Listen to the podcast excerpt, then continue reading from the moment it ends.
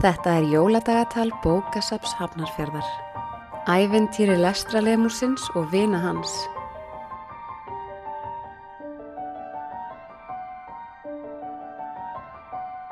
Þegar allir höfðu jafnað sig með kakói og knúsum, útveguðu álvarnir hlýja kápu, vettlinga og kuldaskóur jártsmiðaskél handa lestralemurnum sem nú var tilbúin að leggja af stað.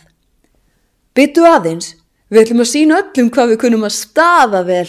Ha? Ætli þið að koma með? Auðvitað, við látum ekki vin okkar fara einan út í kuldan og væplast um svona rétt undir loka ársins. En þið voruð að komast heim til ykkar, heim til fjölskyldn ykkar eftir allan þennan tíma. Blessaður vertu, við álvarnir erum svo sniður, vindum bara utanum okkur óslítanlegum þráð og eigum því greiðarleið heim á ný til okkar fólks. Þetta gladdi lestralemurinn. Það er einhvern veginn allt auðveldara ef maður á góða að sem vilja manni vel. Það kostar nefnilega ekkert að styðja við bakið á vinum sínum. Táta og teitur höfði sig öll við við að stafa nöfnin sín.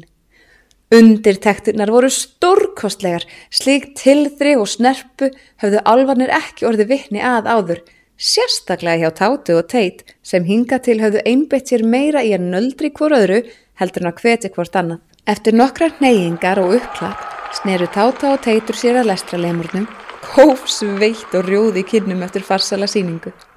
Síðan lagðu vinirnir af stað enn á ný staðráðnir í að finna bókasafnið og koma lemurnum heim til sín.